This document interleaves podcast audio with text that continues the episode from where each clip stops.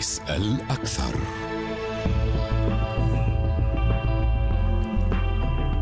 مشاهدينا الكرام طابت أوقاتكم على هامش قمة العشرين في روما وفي سياق يسوده التوتر بين أنقرة وواشنطن عقد الرئيس الأمريكي جو بايدن ونظيره التركي رجب طيب أردوغان لقاء شهد حسب بيان البيت الأبيض. طرح الجانب الأمريكي رغبته في التعامل بشكل فعال مع الخلافات القائمة بما في ذلك مخاوف الولايات المتحدة من امتلاك تركيا لمنظومات صواريخ إس 400 الروسية. كما أشار البيان إلى تأكيد بايدن على أهمية احترام حقوق الإنسان وسيادة القانون. وخلال تعقيب صحفي مقتضب أعلن بايدن تخطيط الجانبان لإجراء محادثات إيجابية فيما يخص طلب تركيا شراء طائرة F-16 على الجانب التركي أشار بيان الرئاسة إلى تناول اللقاء الخطوات اللازمة لتعزيز التجارة والعلاقات الثنائية وذلك في جو وصفه مسؤول تركي كبير لوسائل الإعلام بأنه إيجابي للغاية فما هي تبعات لقاء بايدن وأردوغان على الملفات الخلافية بين البلدين؟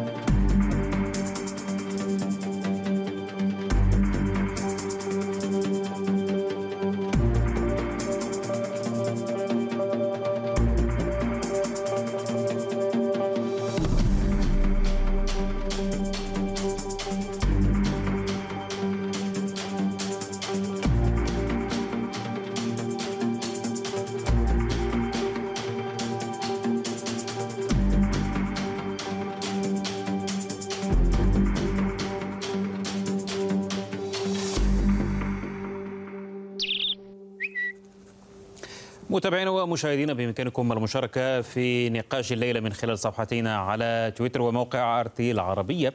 السؤال كما يظهر على الشاشة برأيك إلى أين تتجه العلاقات التركية الأمريكية بعد لقاء بايدن وأردوغان؟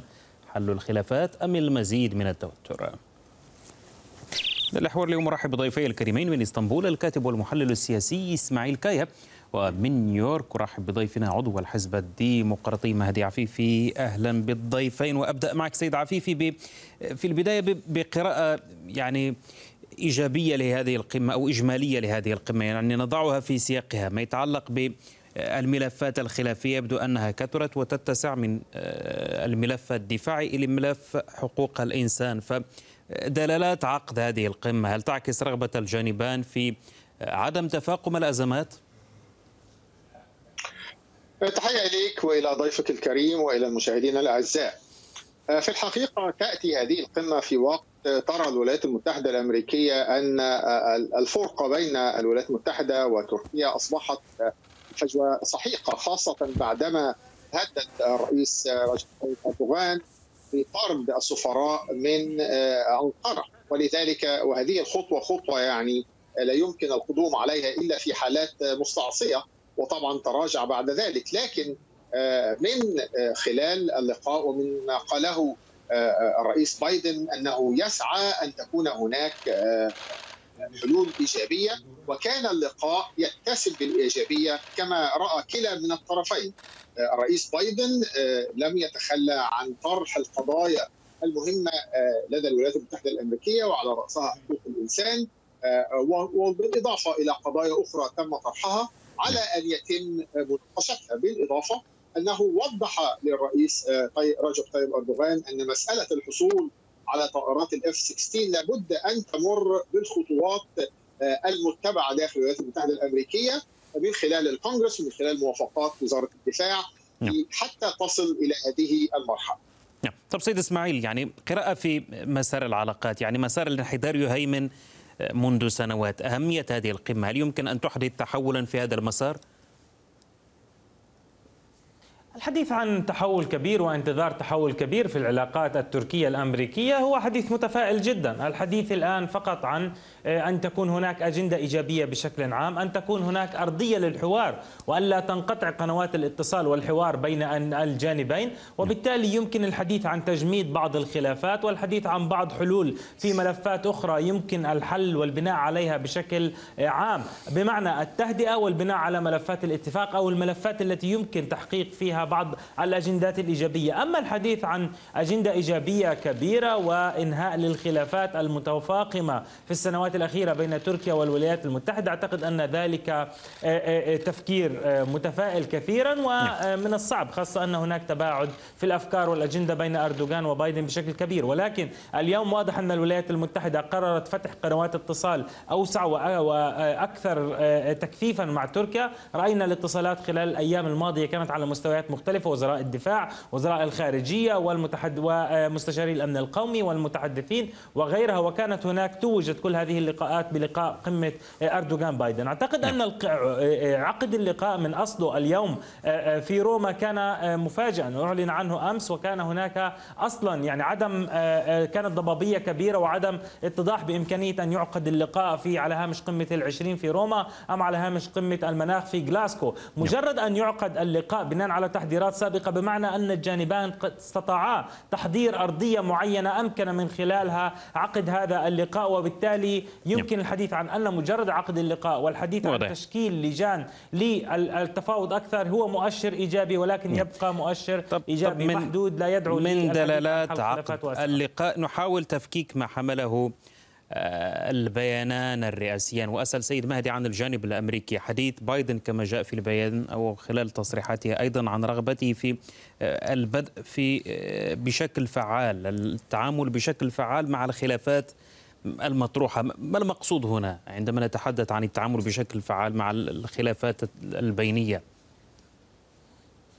هناك قضايا كثيرة معلقة بين الولايات المتحدة الأمريكية وتركيا ولولا تراجع أردوغان عن هذه التهديدات لما حدث هذا اللقاء آه، اليوم. لذلك آه، رأت الولايات المتحدة الأمريكية وقد اعتادت على تهديدات أردوغان ثم الرجوع إليها مرة أخرى. مثلما حدث في الاس 400 آه، والتي لم تستخدم إلى الآن أن الإدارة التركية قد لها نوعين من الخطاب. خطاب داخلي لتحفيز الهمم خاصة في هذه الأزمة الاقتصادية الطاحنة وخطاب آخر آه، وراء الكواليس. أعتقد هذا هو ما أدى إلى آه، لقاء الرئيس أردوغان مع آه، الرئيس بايدن. الرئيس بايدن يرى أن تركيا في حالتها الطبيعية حليف جيد للولايات المتحدة الأمريكية، هناك قضايا عالقة مهمة جدا ألا وهي سوريا نعم. وليبيا وأيضا قضية آه، مسألة أفغانستان التي كانت صحيح. في مرحلة لكن قبل قبل أن نفكك أن نفكك الملفات سيد مهدي، يعني هذه النقطة الحديث عن التعامل الفعال يعني عما نتحدث هنا عندما يصرح بايدن ويقول التعامل بشكل فعال، هل نتحدث عن تشكيل لجان ربما يعني التركيز على ملفات معينة اما المقصود المقصود كما برضو ذكر ضيفك الكريم هو التركيز على النقاط آه، التي يتم فيها الاتفاق والتي يمكن للولايات المتحدة الأمريكية أن تقبلها والبعد عن مسألة آه، آه، التهديد والتهويل. لذلك أعتقد أن الرئيس بايدن يتعامل بشكل واقعي جدا مع العلاقات الأمريكية آه، التركية خاصة أن تركيا عضو فاعل في الناتو. ولذلك أعتقد أن هذه الملفات سيتم تجزئتها. من خلال لجان معينة في ملفات سيتم تجميدها لأنها لن يمكن أن ترضخ بها الولايات المتحدة الأمريكية مثل متطلبات أردوغان بتسليم فتح الله جولان و وعدم الرضوخ لمتطلبات الولايات المتحدة الأمريكية مسألة الاس 400 لأن الكونغرس الأمريكي هو الفاعل وليس كما في تركيا الرئيس التركي فقط لا نعم. طب سيد إسماعيل يعني الملف الأبرز والذي ربما يشكل عقبة أمام تسوية باقي الملفات مخاوف واشنطن من تسلح تركيا بمنظومات إس 400 الروسية. يعني هل سوف تبقى هذه النقطة خلافية وتهيمن على باقي الملفات؟ يعني لقاء اليوم والتحضير طوال الأيام الماضية للقاء اليوم بين أردوغان وبايدن تركز على الحل الوسط الذي يجري الحديث عنه في الأيام الأخيرة ويمكن أن من خلاله أن يصل البلدان إلى نقطة يمكن الحديث عن أنهما تجاوزا هذه النقطة، أعتقد أن يمكن الحديث كالتالي، تركيا امتلكت منظومة إس 400 وهي جاهزة للتفعيل والتشغيل ولا رجع عن ذلك ولا يمكن أن يكون هناك حلول أخرى. وأيضا تراجع الحديث عن إمكانية تجميد تفعيل المنظومه وغيرها، في المقابل الولايات المتحدة حسمت أمرها ولن ترجع أو تعيد تركيا لبرنامج طائرات إف 35 على الإطلاق، وبالتالي اليوم البلدان مجرد التسليم بأن كل جانب أن تركيا واشنطن تسلم أن أنقرة حصلت على إس 400 وأنقرة تسلم أنها لن تحصل على إف 35 انطلق الحوار على ما يبدو هذه المرة من هذه الأرضية والحديث عن أن المشكلة باتت فقط في موضوع المبالغ التي دفعتها تركيا 1.4 مليار دولار والحديث عن موضوع صفقة إف 16 بدلا عن إف 35 اليوم أردوغان قبل قليل قبل أن نخرج على الهواء بدقائق فقط. كان يتحدث في مؤتمر صحفي قبيل مغادرته إلى روما. يتحدث أنه بحث الموضوع مع بايدن. بايدن يبدي إيجابية تجاه موضوع صفقة إف 5 إف 16 بايدن مستعد ربما لتجاوز الكونغرس وعقبات الكونغرس المتوقع بأن يمرر هذه الصفقة. وبالتالي تركيا سوف تحل موضوع ال ال ال ال الأموال التي دفعتها لطائرات إف 35 من خلال الحصول على طائرات إف 16 بدعم من بايدن. وهناك مباحثات تفصيلية سيجريها وزيري دفاع البلدين خلال الأيام المقبلة. إذا تمت الأمور بهذا الإطار وكما هو متوقع وتذهب كل المؤشرات بهذا الاتجاه يمكن الحديث عن تجاوز أزمة إف إس 400 وإف 35 ولو مرحليا بالاتفاق على الذي جرى الحديث عنه. ولكن يبقى الأمر معلق حتى اللحظات الأخيرة. يمكن بايدن أن يتحجج مجددا ويعود إلى الكونغرس ولكن الجميع يعلم أن الرئيس الأمريكي بإمكانه أن يتجاوز موضوع هذا هذا ما أشار إليه فعلا. ويمرر هذه الصفحة. يعني هذا هذا هذا هذا ما أشار إليه في تصريحاته في روما قال أن هناك مصادر متبعة. هذا ما ود ان اسال عنها السيد مهدي. يعني عندما يتحدث بايدن عن اتباع هذه المصادر اولا ما هي العوامل المتحكمة والمؤثرة؟ ربما لوبيات تسعى لمنع تركيا من الحصول على هذه الطائرات وهذا العدد الكبير من الطائرات. نتحدث عن 40 طائرة. ثم يعني دلالات إحالة بايدن حل هذه المشكلة إلى هذا المبرر؟ هو في الحقيقة أولا مسألة الإس 400 ليست مسألة أمريكية فقط وإنما هي الناتو نفسه رافض لهذه الصفقة. فلن رضاء الولايات المتحدة الأمريكية كمصور لن يحل هذه الأزمة ولا أعتقد أن الولايات المتحدة الأمريكية سترضى بهذا الموضوع. ويعني دعنا لا ننسى تكلمنا في هذا الموضوع منذ شهور في نفس الموقف ولم يتم حل. بالنسبة لصفقة الاف 16 الفارق بين الاف 16 هي شراء طائرات يشتريها كل يعني من يشتري طائرات في الولايات المتحدة الأمريكية سواء الدول العربيه أو دول أوروبية. أما الاف 35 فهي مرحلة مختلفة وكان هناك ستشارك تركيا في صناعة هذه الطائرة وتتعلم تقنيات من خلاله فالفارق كبير جدا بين بيع طائرات اف 16 والاف 35 أعتقد أن الرئيس بايدن باستطاعته إقناع الكونغرس لكن لا يمكن أن يتخطى الكونغرس بإقناع إقناع الكونغرس في مقابل أن يكون هناك خطوات إيجابية في قضايا أخرى من تركيا وأعتقد على رأسها ستكون المسألة السورية أو الليبية. أو معا. نعم. طب المنطق المتحكم يعني بالنسبة للكونغرس بالنسبة لأي جهة ربما ترفض داخل الكونغرس أن تحصل تركيا على المزيد من هذه الطائرات؟ يعني ما هو المنطق؟ ما هي المخاوف؟ هل يتعلق الأمر بموازين القوى الشرق المتوسط أم أم أم المانع؟ لا على الإطلاق. اولا تركيا لا توجد لوبيات ضد تركيا بالشكل المعهود مثلا مثل اللوبي الصهيوني بشكل كبير. لكن هناك المسألة داخل الكونغرس هي كيفية امتلاك تركيا للأس 400 وإمدادها إمدادها بالأسلحة الأمريكية. وليست مسألة تختلف عن هذا. داخل الكونغرس الأمريكي هو يرى أن تركيا خرجت عن المسار المرسوم لها وبذلك لا يمكن مكافآتها سواء بالاف 35 أو الاف 16 أعتقد لو استطاعت تركيا أن تعود مرة أخرى وأن يكون هناك تراجع في بعض القضايا الملحة والتي يستطيع بها البيت الأبيض أن يقنع القيادات الجمهورية والديمقراطية داخل الكونغرس بعودة تركيا إلى المسار الأمريكي يمكن السماح ببيع طائرات الاف 16 والتي أعتقد أنها ممكن أن تمر أفضل بكثير من الاف 35 نعم. طب سيد إسماعيل يعني تركيا تلوح مرة أخرى اليوم من خلال تصريحات وزير الخارجية تشاووش أوغلو بورقة الخيارات الأخرى وأشار إلى إمكانية اللجوء لروسيا الحصول على طائرات من آه، الجيل الخامس. هل يعني هذه الورقة لمجرد المناورة أم أن يعني تركيا تتحدث فعلا عن تحديد جهة تلجأ إليها التوجه إلى الشرق كما يقال؟ يعني هي نقطة مهمة جدا وانطلق منها للتعقيب على آه، الأستاذ عفيفي. آه، يتحدث دائما في منطلق حديثه عن آه، عقلية الأمريكي الذي يسيطر على كل الدول ويحدد لها مسار. يتحدث حرفيا عن أن تركيا خرجت عن المسار الذي الذي رسم لها. يعني هذا حديث غير منطقي على الإطلاق. تركيا لا أحد يرسم لها مسارها. تركيا دولة مستقلة لديها سيادة ولديها برلمان وتقرر قراراتها بناء على احتياجاتها وأمنها القومي. عقلية الأمريكي الذي يسيطر على كل الأطراف الأطراف الأخرى وكل الدول الأخرى يحدد لها مسار لتسير فيه. أعتقد أنها باتت من الماضي وأكبر دليل أن الأزمة الحالية هي ناجمة عن أن الولايات عن أن تركيا قالت للولايات المتحدة كفى مناكفات وكفى إضاعة للوقت وكفى آه، آه، آه، وعود كاذبة. في ملف كانت تركيا ظلت لسنوات طويلة تنتظر منظومة باتريوت من الولايات المتحدة ولم تحصل عليها واتخذت قرارها بشكل حازم وتوجهت وحصلت على إس 400 من روسيا. هذا اليوم يعود إلى سؤالك أيضا. اليوم هذا الأمر الأمر ينطبق تماما على موضوع الطائرات.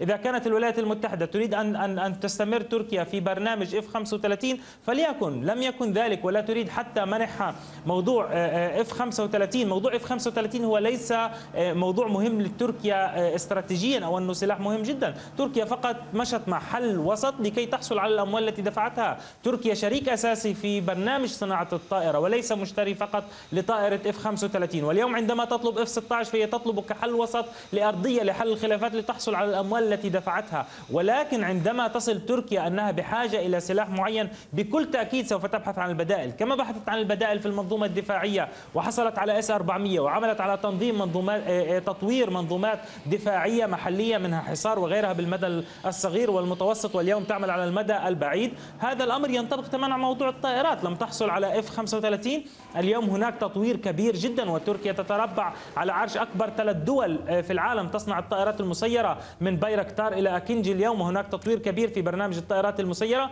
وهناك برنامجان لطائرتان آه، حربيتان تركيتان واحدة بدون طيار والأخرى آه، من الجيل الخامس بطيار. في حال كانت تركيا وصلت إلى مرحلة أيضا أنها تحتاج إلى وقت أطول لتطوير صناعتها الدفاعية وبحاجة إلى طائرات استراتيجية خلال هذه الفترة ستكون الخيارات مفتوحة. وروسيا دائما كانت خيار لتركيا في هذا الإطار وروسيا عرضت على تركيا التعاون في موضوع آه، طائرات سوخوي سواء آه، آه، سوخوي 57 حتى عرضت روسيا على تركيا التعاون في هذا المجال. وبالتالي أنا لا أرى أن تركيا متسرعة بالحصول على طائرات روسية ولكن يبقى ضمن الخيارات ويبقى خيار قائم. والأكيد أن طرح ضيفكم عفيفي من واشنطن بأن تركيا هناك أحد من يرسم لها الخطوط ويحدد نعم. إذا خرجت عنه أو لا. هو حديث غير دقيق وبإمكان تركيا أن تخرج فعلا كما خرجت سابقا كثيرا أن تخرج وتحدد أجندتها سابقا. ودليل آخر على الخروج كما نعم. يتحدث آه، ضيفكم هو العملية العسكرية في شمال سوريا التي حدثت سابقا عندما كانت سنتحدث عن هذه النقطة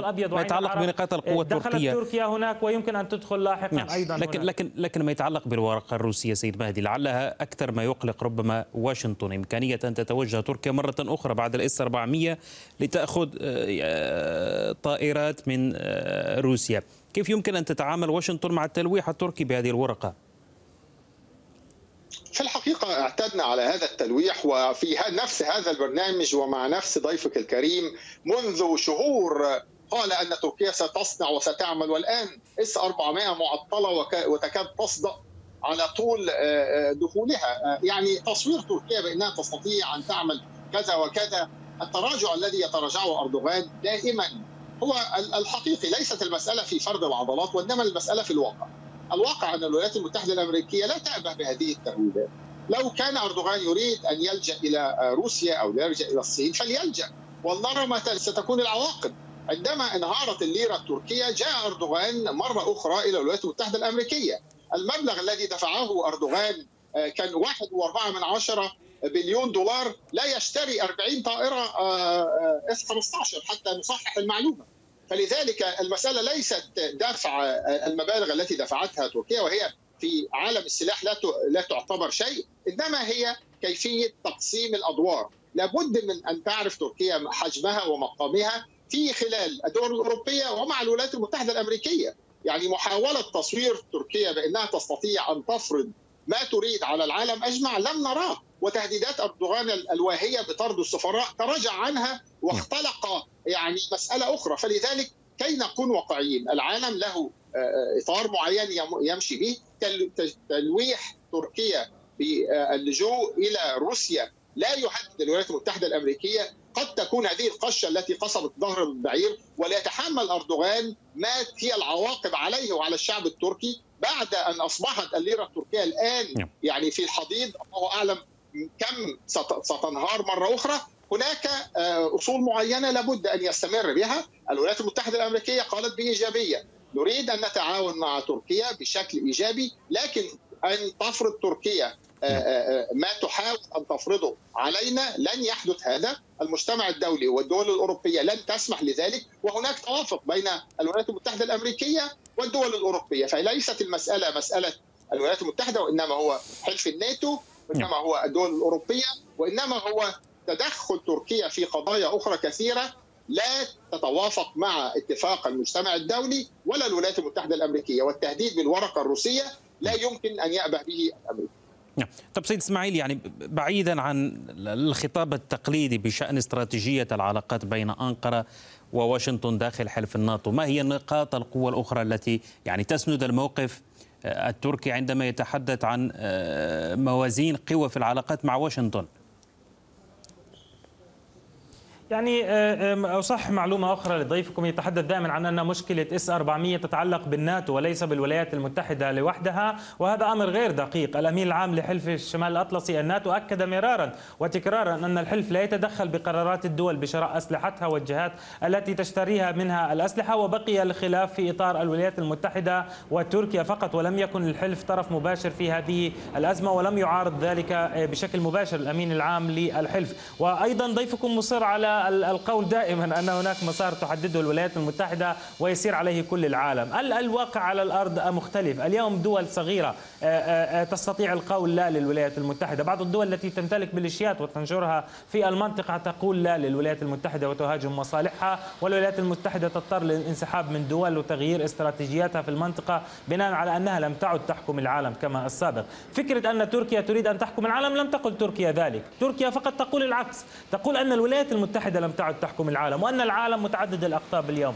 وأن هناك الخيارات دائما مفتوحة وتركيا قوتها دائما بشعبها وديمقراطيتها وموقعها الجيوسياسي وقوتها على الأرض. تركيا في السنوات الأخيرة أثبتت للجميع أنها قادرة أن تكون صاحبة صناعات دفاعية قوية وأن موضوع حظر الأسلحة وتوريد الأسلحة لتركيا عاد من الماضي كما كان في قبرص في الأربع وسبعين وغيرها. هذا أمر من الماضي. اليوم تركيا عندما يفرض عليها حظر معين في مجال معين الأسلحة إما تصنعها محليا ووطنيا وإما تحصل على بديل آخر وجرى ذلك في الكثير من الأمثلة، اليوم تركيا تقول أنها قادرة على فرض حماية مصالحها خارج حدودها أيضا، تدخلت في سوريا وشمال العراق وفي ليبيا وفي كرباغ، آه تدخلت تركيا خارج أراضيها. ولكن عندما كانت هناك دول تحاول أن تأتي من بعيد وتحاصر المنطقة وتفرض أجندتها على تركيا، تحركت تركيا خارج أراضيها، اليوم تركيا قوتها بأنها عنصر فاعل في كافة ملفات المنطقة، في ليبيا حققت نجاح عسكري وهي موجودة وفي شرق المتوسط موجودة عسكريا وسياسيا لحماية حقوقها ولا تسمح لأي طرف بالاعتداء عليها، في كرباء أثبتت للجميع أنها تستطيع أن تدعم حلفائها للانتصار وتحقيق مكاسب تاريخية هناك، واليوم تفرض أجندتها هناك بقوة، كل هذه الملفات تثبت أن تركيا قادرة، وعندما تقول تركيا أنها لا تقبل ملف معين فإنها قادرة على التحرك، وكنت أذكر في نهاية الجواب السابق موضوع شمال سوريا، اليوم الولايات المتحدة ما زالت تمد تنظيم بين يدي الارهابي بالأسلحة، عشرات بل مئات شاحنات الأسلحة تصل لهذا التنظيم الذي ينفذ هجمات ضد الأراضي التركية وهو تنظيم إرهابي. لكن اليوم القول أن تركيا تنتظر ضوء أخضر أمريكي غير دقيق. تركيا تحاور الولايات المتحدة. لها جنود على الأرض. تحاورها وتحاول أن تتناقش معها وتوصل إلى حلول وسط وتدفعها لتفهم مخاوف تركيا الأمنية وعلى أمنها القومي. ولكن عندما تصل الأمور إلى طريق مسدود تتحرك تركيا عسكريا على الأرض. عندما نفذت تركيا عملية نبع السلام كانت هناك قوات أمريكية في مدينة تل أبيض الأبيض وكانت تنتشر هناك وخرجت القوات نعم. الأمريكية من هناك ودخلت تركيا ونفذت عمليتها العسكرية. وإذا لم يحصل اتفاق جديد فيما يتعلق بوقف العمليات من هناك ستتحرك تركيا عسكريا. نعم. لم لا, لا أحد في العالم يعد ينتظر وضحت كل هذه النقاط. دعني أسأل عنها السيد مهدي. يعني حاجة حاجة واشنطن إلى التنسيق مع تركيا في كل هذه الملفات فعلا ما يتعلق بليبيا سوريا آه، يعني شرق المتوسط. ألا تحتاج واشنطن للتنسيق مع أنقرة؟ أخي العزيز هذا الخطاب سمعناه على مدى العام الماضي كله ولم يتغير شيء. تنسيق شيء وأن تفرض تركيا رأيها شيء آخر. والخطاب الخاطئ إن سكرتير الناتو أن يقول شيء لكن بريطانيا وألمانيا وفرنسا كلها اعترضت على منظومة إس 400 فلذلك حتى يكون الخطاب دقيق. دائما ما نسمع خطابات يعني تحفيزية من ضيفك الكريم.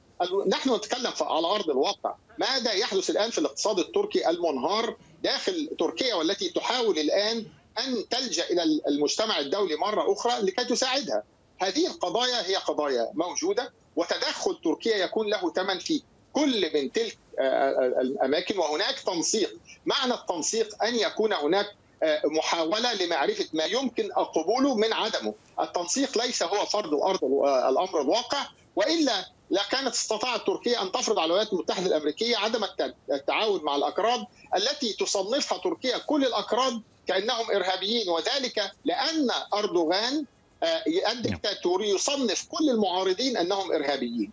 هذا ما حدث وال 55 ألف آه، من أنصار فتح الله جولان التي الذين يموتون في السجون والمعارض آه، الذي اختلفت عليه الدول الأوروبية العالم أجمع ليس الولايات المتحدة الأمريكية والتي هدد أردوغان بطرد السفراء بسبب معارض هو يحتجز لمدة أربعة أعوام بدون أي قضايا. هذه هي القضايا الخلافية بين الولايات المتحدة الأمريكية والحلفاء وتركيا من طرف آخر. لابد من التنسيق. السياسة ليست سياسة عفوانية أو عنصرية أو عثمانية. السياسة الآن الولايات المتحدة الأمريكية ترى أنه لابد من التوافق مع تركيا في بعض الملفات بالشروط التي يتقبلها المجتمع الدولي والولايات المتحدة الأمريكية وأكبر دليل ما حدث. أن اس 400 لا يمكن أن تستخدم الآن أن التهديدات التركية لم يتم تنفيذ أي شيء منها، مسألة التدخل في روسيا من في سوريا من صحيح. غيره. طب هذه نقطة. ما يتعلق بالتدخل في الشمال السوري؟ دعني أسأل السيد إسماعيل عنها لأنه عندما نتحدث عن رسم واشنطن لخطوط معينة في المنطقة وأن تركيا تتحرك بشكل مستقل طب يعني ما الذي تنتظره تركيا لتتحرك في الشمال السوري؟ والرئيس التركي توعد مرارا وتكرارا. بالطبع يعني بداية أيضا آه، آه، أصحح مغالطة لضيفكم آه، الكريم. يقول أن تركيا تعتبر كل الأكراد إرهابيين وهذه مغالطة لا تليق به على الإطلاق. يعلم أن تركيا بها ملايين المواطنين من أصول كردية وهؤلاء الملايين الأكراد لديهم تمثيل سياسي وحزب سياسي موجود في تركيا اسمه حزب الشعوب الديمقراطي. لديه عشرات النواب في البرلمان التركي موجودين بحراسة من قوات الأمن وموجودين بحماية ويمارسون حياتهم السياسية. وفازوا بعشرات البلديات ويحكمون في الكثير من المناطق. كل الأكراد تقريبا من أصول كردية. هم معارضين لتركيا. هناك فرق بين المواطنون من أصول كردية والذين يتمتعون بكافة نعود للسؤال سيد إسماعيل فيما تبقى من ثواني من فضلك. وغيرها والتنظيمات الإرهابية. أما فيما يتعلق في موضوع العمليات العسكرية شمال سوريا لا أحد يتحدث لا أنا ولا غيري حتى الساسة الأتراك. الملف السوري معقد جدا. هناك تعقيدات سياسية وعسكرية كبيرة جدا والقيام بعملية عسكرية يحتاج تنسيق تنسيق وترتيب بين الأطراف الفاعلة هناك. كل الأطراف الولايات المتحدة حتى تضطر للتنسيق مع روسيا وروسيا تضطر للتنسيق مع الولايات المتحدة للقيام بأي تحرك عسكري وتركيا مضطرة للتنسيق مع روسيا والولايات المتحدة لأي تحرك عسكري. ولكن مصطلح التنسيق ومحاولة الضغط لتحقيق الأهداف يختلف تماما عن فكرة الحصول على ضوء أخضر أو انتظار الرحمة الأمريكية في هذا الإطار. تركيا تنسق وتضغط وتحاور في محاولة الوصول إلى تجنب العملية العسكرية والوصول إلى حلول. أما فكرة ضيفكم الذي يتحدث عندما ينتهي الحديث عنده يتحدث عن العثمانيين والاقتصاد التركي. فقط هذه النظريات التي يتحدث بها غير قائم على الأرض. هناك تنسيق وعندما يفشل كل التنسيق الوارد على الأرض. يكون هناك أشكرك. تحرك عسكري. وأعيد أيضا للمرة شكرا. التالية الثالثه التفكير بنموذج عملية نبع السلام 2019 شكرا. شكرا لكم ضيفي. لم يتبقى إلا التذكير بنتائج التصويت. السؤال ما زال كما يظهر على الشاشة برأيك إلى أين تتجه العلاقات التركية الأمريكية بعد لقاء بايدن وأردوغان؟ نحو 51% منكم تحدثوا عن حل الخلافات. ونحو 49 أشاروا إلى إمكانية حدوث المزيد من التوتر. التصويت مستمر على صفحتين تويتر وموقع آرتي العربية. جزيل الشكر لضيفي الكريمين من إسطنبول. الكاتب والمحلل السياسي إسماعيل كي أشكر أيضا ضيف من نيويورك عضو الحزب الديمقراطي مهدي عفيفي. شكرا لكم بهذا نصل مشاهدينا الكرام إلى ختام هذه الحلقة إلى موعد آخر. أطيب المنى.